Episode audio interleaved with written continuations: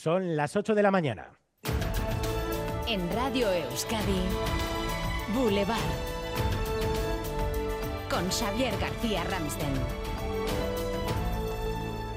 ¿Qué tal, Egunon? Les saludamos esta mañana desde la unidad de oncología pediátrica del Hospital de Cruces. Es la sexta planta del hospital. A las puertas nos reciben dos enormes lazos dorados hechos con globos. Es el color, el dorado, el color que representa a los pacientes de esta enfermedad. Abrimos la puerta y accedemos a la unidad. Lo primero que nos encontramos enfrente es un cuadro blanco donde pone confía. Esto es un hospital, así que parece un hospital, pero también podemos decir que parece un colegio. Las paredes están llenas de dibujos de pájaros, hojas, árboles y comparten espacio con las clásicas carteleras y dosieres informativos. Hay dibujos infantiles hasta en el uniforme de las enfermeras. Accedemos por los pasillos y vemos una pared repleta de estos dibujos, en este caso realizados por niños. Aquí uno ha representado directamente al cáncer. Es un monstruo enorme de colores, con cuatro ojos, dos bocas con grandes colmillos y cuernos azules. En este otro dibujo hay un sol, algunos corazones rojos. Al lado puede leerse Gracias por ayudar a Noah. Gracias por dejarnos visitar a Noah. Muchos abrazos para todos. Está firmado por su hermano Isaac. Y este otro dibujo lo firma Aitana y dice literalmente, muchas gracias por cuidarme tanto y tan bien. No os olvidaré nunca.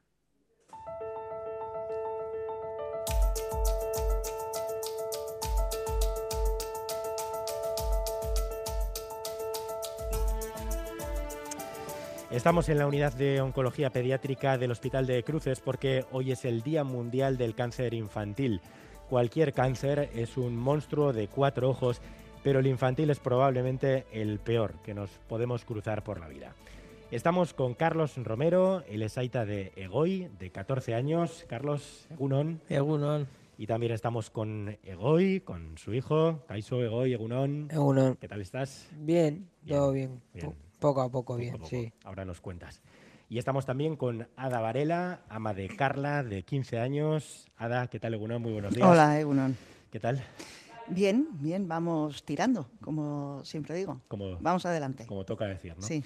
Contadnos un poco vuestra, vuestra historia. Eh, Carlos, ¿cuándo le detectaron el, el cáncer a, a tu hijo Egoy? Pues a hoy le detectaron el cáncer, pues ahora va a ser un año, un 13 de, de marzo.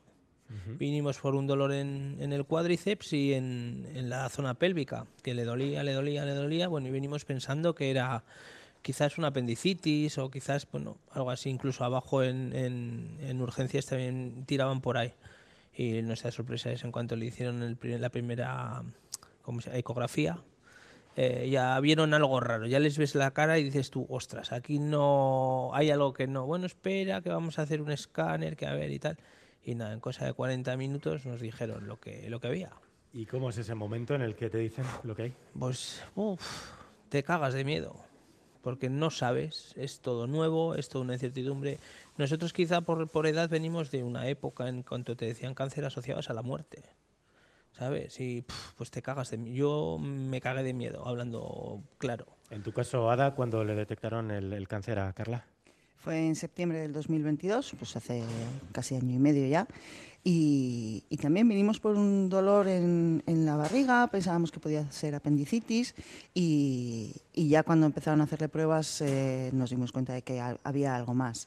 Eh, tardamos un poquito más en saber qué es, qué es lo que era, pero bueno, Carlos fue a los 40 minutos, nosotros a, a poco tiempo más, eh, dos, tres días, porque nos querían decir, como llaman ellos, con nombre y apellido. Pero el diagnóstico pues es eh, terrible. Eh, se te abre un agujero en los pies y tienes cinco minutos para reponerte porque tienes que estar con tu hijo. Pocas veces entiendo que te han dado una noticia tan, tan mala, ¿no? Para mí ha sido la peor de toda mi vida, evidentemente. Pero hay que estar y, y tienes cinco minutos Sí. para digerir y poder acompañar a, a mi hija en este caso. Egoy, a ti cuando te dicen que, que tienes esta enfermedad, ¿qué, qué sientes? Nada, lo primero que pregunté es saber si me iba a morir y cuando me dijeron que no, pues in- intentar llevarlo lo más con la mayor mayor lo mejor posible, ¿no? Para no para que lo duro que ya es sea por lo menos algo menos duro. Porque tu hijo, eh, Carlos, es muy, muy optimista, ¿no? Y lo lleva con una fortaleza tremenda, ¿no? Eh, sí, la verdad que sí, es un es muy buen, muy, muy buen enfermo, digamos. Y a todo le ve lo bueno y, y bueno, también nos hemos topado con mucha gente buena que nos ha hecho esto, este camino nos lo ha llenado mucho, ¿sabes? Y bueno, Egoy ha tenido la suerte de que, de que le han podido ayudar y, y le han cogido a tiempo. Que igual estamos tirando cohetes antes de tiempo, pero bueno, si Dios quiere, quizá, quizá, quizá en marzo terminemos. En principio el, el tratamiento hemos terminado. Ahora nos quedan las últimas fotos, las últimas pruebitas y bueno, a ver lo que nos dicen. Pero hoy es, es una pasada. O sea, nunca ha puesto impedimento para nada, ni para pincharse, ni para hacerse, ni para... Siempre buena cara, siempre buena sonrisa. O sea, es, es una pasada, es una pasada. Es un, es, es, admirable porque yo si hubiera estado en su caso no sé cómo habría actuado, ¿sabes? Yo claro. al final solo le acompaño. Claro. Procuro acompañarle todo lo, lo, mejor que puedo con mi mejor actitud, pero yo al final solo le acompaño. El que lo está pasando es él. Uh -huh. Y le ves bien día a día, pues día a día, esto es día a día. Si hoy está bien, está bien. Si mañana, mañana, mañana, hoy, hoy como está bien, venga, pues a por hoy. Y mañana cuando abramos el ojo, hablamos. Hoy, ¿cómo has llevado los efectos de la quimio?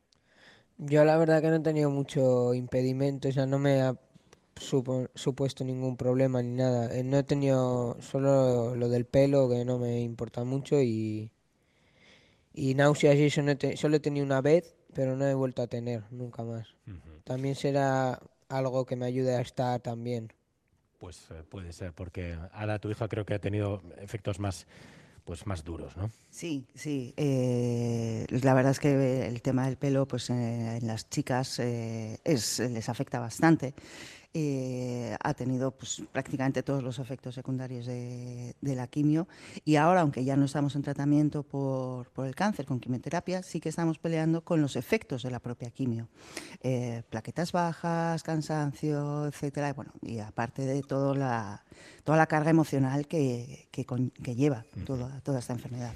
Eh, ¿Qué es para vosotros, para vosotras esta unidad, este hospital? Para mí es mi casa. Eh, aquí es donde han salvado a mi hija, las personas que están son ángeles de la guarda. Para mí, para mi hija, y, y, yo es donde más segura me siento. Más que en casa. Más que en casa, uh -huh. sí. Sí, porque en casa estamos bien, es donde todo el mundo quiere estar, pero cuando te enfrentas a algo así vas con miedos, eh, no sabes si vas a actuar bien, estará bien. Eh, cuando tienes que venir al hospital porque se encuentra mal, eh, se te hace un mundo, ese, ese, camino desde casa hasta llegar aquí es eterno.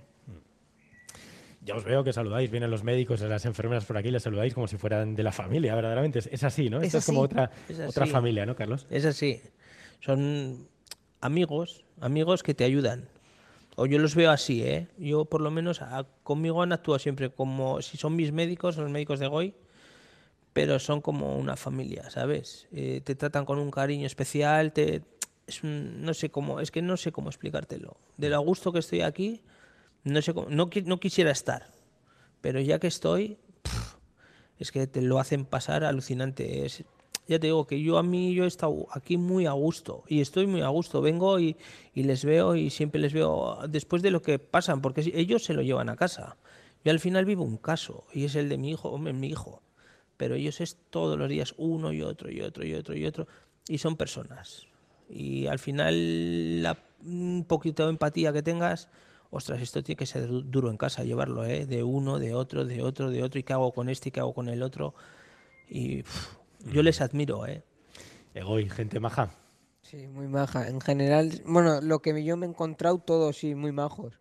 Los médicos, las enfermeras, todo. Las auxiliares, todo, todo.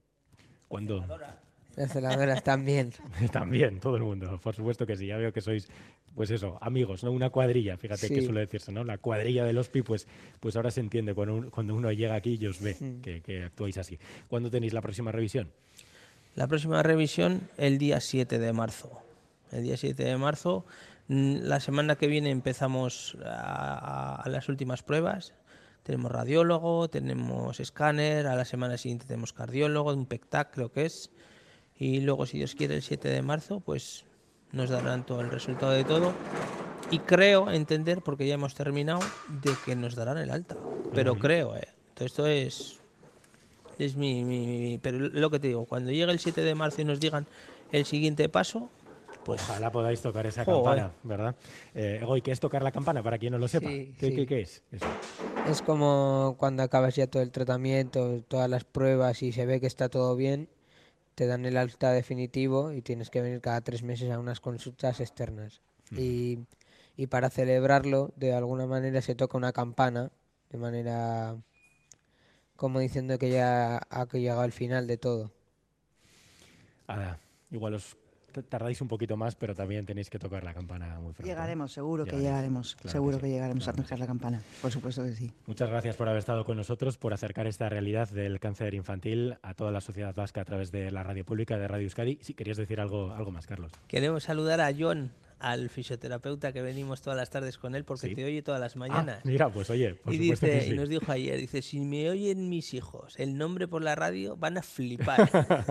Pues un abrazo a John y a sus hijos también. es. Ahí está, dicho y hecho. Muchas gracias. Gracias, gracias equipo y a seguir, a seguir aquí luchando y ojalá pronto toquéis esa campana y lleguen esas buenas noticias merecidísimas, por supuesto que sí. Es que ricasco. Qué ricasco. Es que ricas. Volvemos a partir de y media con más testimonios. Ahora de momento devolvemos la conexión a los estudios con más noticias. Asier Herrero, adelante, cuando quieras. ¿Qué tal? Bueno, Javier, Carlos Egoiada, eh, desde luego que son tres ejemplos a seguir. Repasamos los titulares de este jueves 15 de febrero con Ander López Lerena.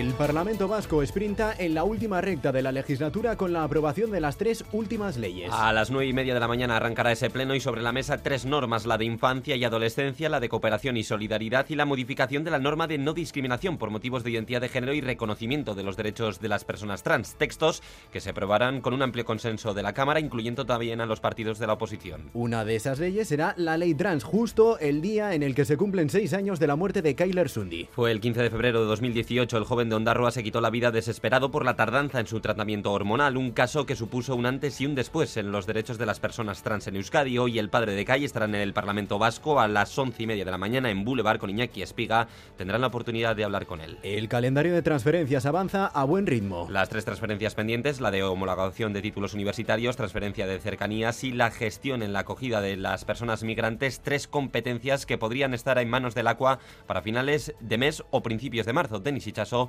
delegado del Gobierno de España ayer en Gambara.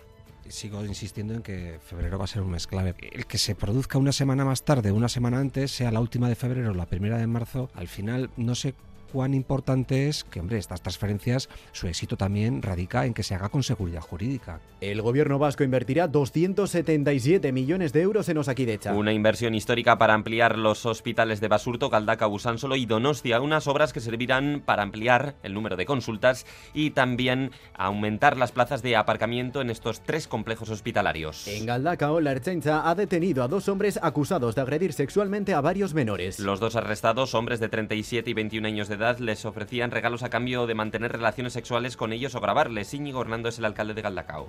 Sabíamos que la operación estaba en marcha por discreción, porque sabíamos que había menores eh, eh, en el caso, pues eh, ha seguido la investigación, como hemos visto, y ha habido otro detenido. La Ertzaintza no descarta que haya más víctimas. Y en los deportes, la Real, que tendrá que tirar de casta para darle la vuelta a la eliminatoria. César Pérez Gazola. Egunon Asier, pues sí, derrota al Real 2-0 ante el Paris Saint-Germain que complica muchísimo el futuro en Champions del equipo Jordín. Le volvió a penalizar su preocupante falta de gol y ahora para seguir vivos en la Liga de Campeones tendrá que hacer una auténtica gesta dentro de tres semanas en Anoeta, meter al menos tres goles al Paris Saint-Germain para pasar a cuartos de final. Boulevard. El tiempo. Hoy vamos a tener un día prácticamente con dos caras. Mucho calor a esta hora. A partir de la tarde, el tiempo va a comenzar a llover. Euskal Mendayara Barredo, Egunon. Egunon, hoy el viento del sur nos volverá a dejar una jornada muy templada, con temperaturas superiores a los 20 grados en toda la vertiente cantábrica y valores rondando los 17 o 18 grados en el resto. El cielo estará bastante nublado, con nubes medias y altas, y aunque no descartamos que a lo largo del día puedan caer algunas gotas, en general no lloverá hasta el final de la tarde. Entonces, de cara al anochecer, esperamos la entrada de un frente que nos dejará chubascos generalizados durante la noche. El viento también cambiará soplará noroeste con fuerza en la costa y comenzará a refrescar. Por lo tanto, comenzaremos la jornada sin grandes cambios, con tiempo templado y viento del sur, y de cara al anochecer un frente nos traerá lluvia y un giro de viento. Mucho calor a esta hora, lo habrán podido comprobar si han salido ustedes ya de casa. En Donostia tenemos 19 grados, 18 en Bilbao y Bayona, 10 en Vitoria-Gasteiz, 9 en Iruña, 688-840-840. Egunon, Los Arcos, 9 grados. Hola, buenos días. Desde Baracaldo, 14 grados y nublado. Egunon, Bermión, hogei grado. Egunon, gaur eguean amabi gradu odeiak eta oskarbi. Egunon, hoy en el Orrio hay 16 grados y está el cielo bastante despejado. Egunon tik-tik, obornikanotik termometroan zazpi gradu eta zerua pizkat lainotuta dago. Disfrutatu egunaz! Gernika Lumon, amazazpi gradu. Egunon, Zumaiatik, hemen, emeretzi gradu. Boulevard. Baritec, expertos en eliminar todo tipo de varices en Bilbao, Donostia y Gasteiz, patrocina la información del tráfico. Tenemos a esta hora alguna incidencia en carreteras. Begoña Dorronsoro. Sí, así es. Precaución a estas horas en la A8 en Galdacao, sentido Irún, porque en este punto han colisionado dos vehículos y ya se registran dos kilómetros de retenciones. Y precaución todavía en la A15 en el interior del primer túnel a la altura de Villabona, sentido Pamplona, donde un camión ha sufrido una avería y permanece en el carril derecho. Si ustedes son testigos de alguna incidencia, ya saben, pueden ponerse en contacto con nosotros a través del número de WhatsApp de Radio Euskadi en el 688-840-840, 8 y 16 minutos. ¿Llevas tiempo con varices y necesitas una solución definitiva? ¿Te gustaría informarte sobre los nuevos métodos sin cirugía? En Baritec hemos preparado los siguientes eventos para resolver tus dudas. 27 de febrero en Arrasate, en Garaya Parque Tecnológico A. Y 29 de febrero en Durango, en Silken Gran Hotel. Ambos a las 7 de la tarde. Entrada libre. Te esperamos. Más info en baritec.es.